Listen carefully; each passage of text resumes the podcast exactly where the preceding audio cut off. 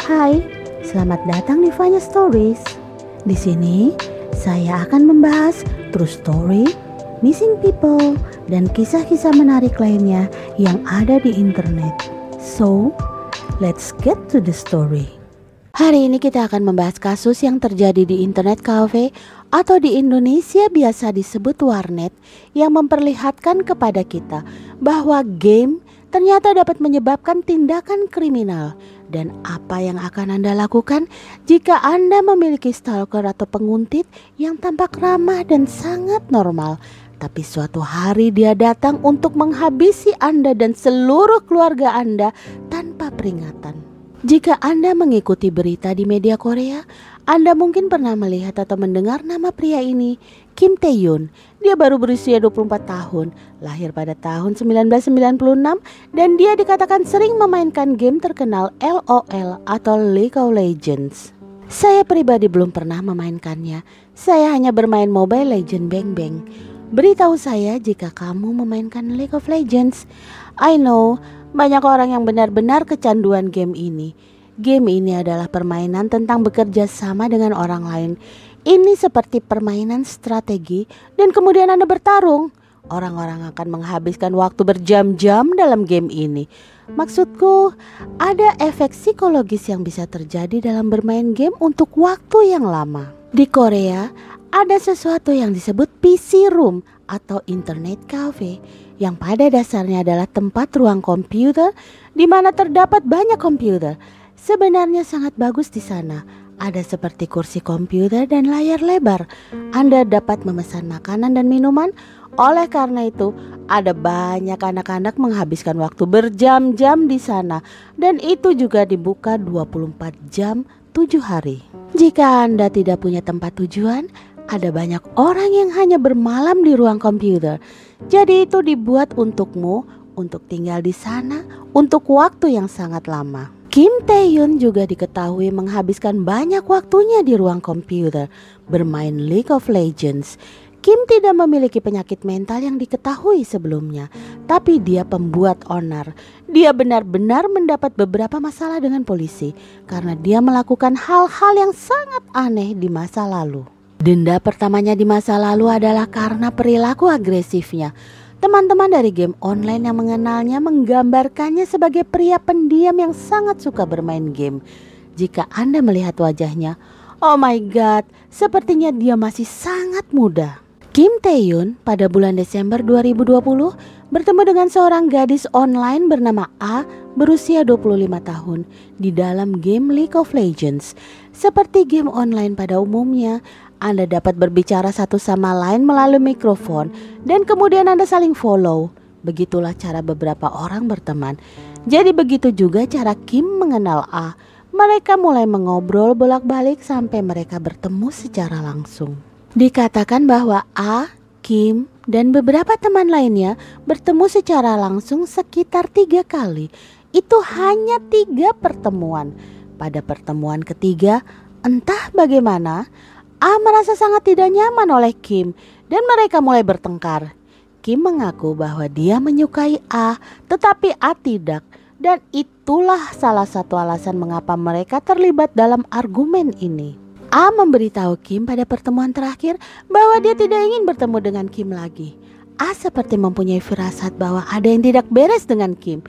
Ini adalah saat Kim memutuskan untuk membuntuti A karena menurut Kim, dia merasa sangat marah karena A menolaknya dan rasanya A seperti merendahkan harga dirinya.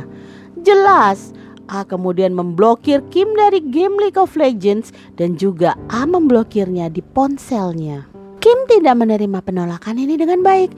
Jadi untuk menghubungi A, Kim menggunakan telepon panggilan anonim dan menggunakan telepon temannya. Sampai akhirnya Kim bahkan menemukan alamat rumah A. Cara Kim menemukan alamat A sebenarnya sangat menyeramkan dan Anda harus mendengarkan bagian ini karena Anda mungkin melakukan kesalahan yang sama. Jadi rupanya A di media sosialnya memposting selfie dirinya yang secara tidak sadar ada semacam kotak surat di belakang dirinya yang tertulis alamat rumahnya. Kim Taehyun kemudian memperbesar foto ini dan dari situlah dia menemukan alamat rumah A. Jadi jika salah satu dari Anda mungkin memiliki selfie atau mungkin mengambil sesuatu seperti haul dan Anda memiliki alamat Anda di sana, tolong hapus segera karena hal seperti ini bisa terjadi. Setelah Kim menemukan alamat rumah A, ini adalah saat dia mulai menguntit A di rumahnya. A sadar dan memberitahu teman-temannya mengatakan bahwa ada seorang pria yang menguntitnya, menunggunya di rumahnya dengan pakaian hitam.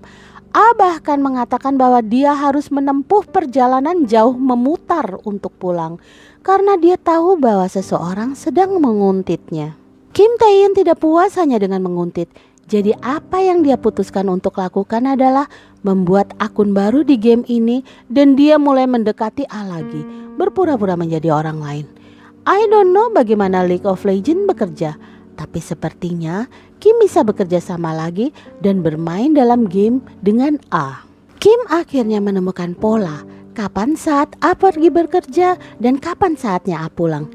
Jadi A selalu memberitahu teman-temannya di dalam game, "Hey, saya harus pergi bekerja," dan dia keluar dari game dan A kembali masuk ke game ketika dia pulang kerja, sehingga Kim bisa mempelajari pola ini dalam beberapa minggu. Sekarang Anda mungkin bertanya, mengapa A tidak menelpon polisi? Dalam banyak kasus, ketika Anda melaporkan penguntit, sering kali polisi mengatakan, "Kami tidak dapat berbuat apa-apa karena tidak ada kejahatan yang terjadi." Polisi seperti perlu menunggu beberapa bukti atau sesuatu untuk terjadi untuk menuntut penguntit ini yang jelas tidak masuk akal. Karena bagaimana Anda bisa menunggu sampai seseorang terbunuh atau terluka untuk memanggil polisi? Benar? Kim Taehyun tidak bisa melepaskan gadis yang ia taksir dan menguntitnya. Pada rekaman CCTV, Kim Taehyun terlihat mengenakan kaos hitam, celana hitam, dan hoodie hitam. Dia memasuki internet cafe dengan mengenakan ransel putih sekitar pukul 17 lewat 8 menit pada tanggal 23 Maret 2021. Kim Taehyun tetap berada di kafe internet selama sekitar 10 menit bahkan tanpa menyalakan komputer. Internet cafe ini hanya berjarak 220 meter dari rumah A dan dikenal sebagai internet cafe yang sering dikunjungi A selama 5 sampai 6 tahun belakangan ini. Diperkirakan di sini Kim sedang mencoba mencari A bolak-balik Melihat apakah A ada di sana, Kim juga pergi ke ruang merokok untuk merokok. Kim kemudian pergi ke supermarket terdekat untuk mencuri pisau. Kim bahkan membawa pakaian ganti. Kim juga searching cara tercepat untuk membunuh orang di smartphone-nya. Akhirnya Kim memikirkan rencana berpura-pura menjadi layanan cepat. Jadi layanan cepat adalah orang yang hanya menyampaikan sesuatu atau mendapatkan sesuatu untuk Anda dan pada dasarnya Anda hanya membayar mereka untuk melakukan apa pun yang Anda inginkan. Kim Taeyun pergi ke apartemen A di Nowon-gu, Seoul sekitar jam 8 malam. Dia mengetuk pintu dan berkata, "Hey, ini adalah layanan cepat. Aku punya pengiriman untukmu sekarang." A tidak ada di sana, tapi adik perempuannya ada di sana. Adik perempuan A berteriak, Tolong tinggalkan bungkusan itu di pintu. Jadi Kim berpura-pura meninggalkan paket di depan pintu dan dia menunggu sampai adik A keluar. Kim kemudian menghabisi adik perempuan A tanpa alasan yang jelas dengan cara menusuk lehernya menggunakan pisau curian. Kim kemudian menunggu beberapa jam sampai ibu A pulang kerja. Ini adalah korban kedua Kim. Kim menghabisi ibu A dengan cara yang sama, menusuk lehernya dengan pisau. Kim Taeyun menunggu beberapa jam lagi. Sekitar jam 11 lewat 30 malam, A pulang kerja. A sangat terkejut melihat Kim di dalam rumahnya. Seketika A berteriak pada Kim, "Apa yang kamu lakukan di sini? Di mana ibuku dan adikku?" Ini adalah saat Kim melanjutkan untuk melenyapkan gadis idamannya A hanya karena A menolak cintanya. Kim mengklaim bahwa itu tidak direncanakan dan itu terjadi secara mendadak dan bahwa ketika A masuk A mencoba menyerangnya lebih dulu dan itulah mengapa dia menyerang balik. Sekarang pertanyaanku adalah apa alasan Kim harus memusnahkan seluruh keluarga A? Apakah dia tidak merasa puas karena dia tidak bisa menangani A secara pribadi? Menurut Anda, apa alasannya? Sampai Kim harus menjadi seorang penguntit? Inilah yang membuat banyak orang percaya bahwa Kim adalah seorang psikopat. Dia benar-benar tinggal di apartemen A selama tiga hari di samping mayat-mayat itu. Katakan bahwa dia lapar, dia haus, jadi dia makan makanan yang ada di dalam rumah. Dia bahkan mabuk.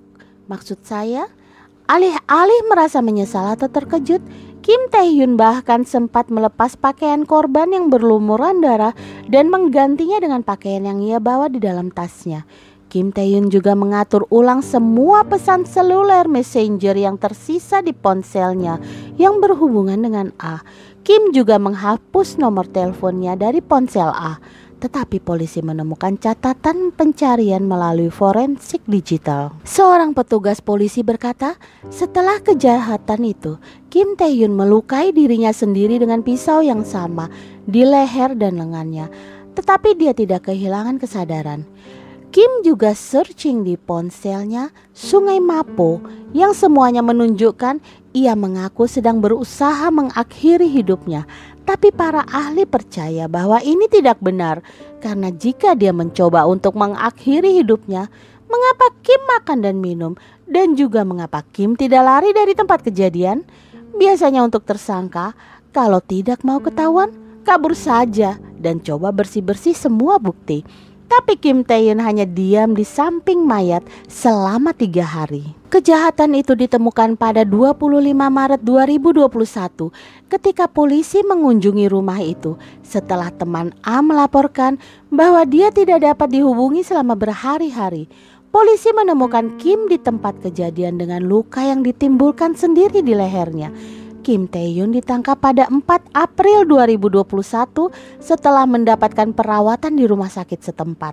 Awalnya, identitas Kim dirahasiakan, tetapi Badan Kepolisian Metropolitan Seoul mengungkapkan informasi pribadinya termasuk nama, usia, dan fotonya pada 5 April 2021 menyusul protes publik yang memuncak lebih dari 253 ribu orang telah menandatangani petisi yang diposting di situs web Cheonghwa Day menuntut agar identitasnya diungkapkan. Dalam penampilan publik pertamanya sejak penangkapannya, Kim Tae-hyun meminta maaf terlebih dahulu bukan kepada para korbannya, tetapi kepada wartawan yang berkumpul di luar kantor polisi di utara Seoul. Saya tidak berpikir saya bisa menjawab masing-masing pertanyaan Anda, dan saya dengan tulus meminta pengertian Anda. Saya minta maaf tentang itu, kata Kim. Ditanya apakah dia ingin mengatakan sesuatu kepada keluarga korban yang berduka, Kim menoleh ke seorang petugas yang memegangi lengannya dan bertanya, "Apakah Anda akan melepaskannya sebentar?"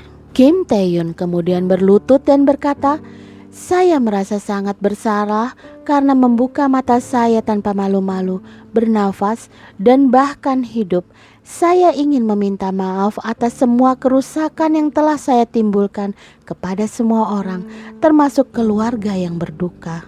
Kim dengan singkat dan dengan sigap melepas masker wajahnya atas permintaan seorang reporter sebelum diantar ke kendaraan polisi yang akan membawanya ke kantor kejaksaan distrik utara Seoul. Selama konferensi pers pada hari Jumat pagi, polisi mengatakan mereka yakin Kim telah merencanakan kejahatan dengan hati-hati setidaknya seminggu sebelum insiden tersebut karena dia telah mencari di internet untuk metode pembunuhan dan mencoba dan akhirnya berhasil. Polisi Dobong mengirim kasus Kim ke kantor kejaksaan distrik utara Seoul meminta agar dia didakwa atas tuduhan pembunuhan, perampokan, pembobolan dan masuknya pelecehan lanjutan, dan pelanggaran tindakan mempromosikan informasi dan pemanfaatan jaringan komunikasi.